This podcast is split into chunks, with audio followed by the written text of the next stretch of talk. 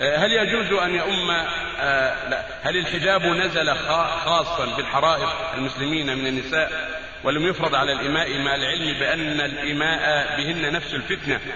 وهل صحيح أن سيدنا عمر بن الخطاب نهى إحدى الإماء عن لبس الحجاب والتشبه بالحرائر؟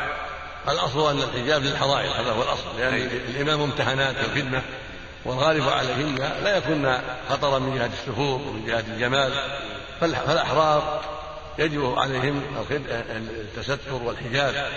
وذكر العلماء ذكر كثير منهم رحمة الله عليهم أن الأمة إذا كان فيها جمال أو فيها خطر كذلك يجب عليها أن تحتجب عن الناس لأن العلة واحدة.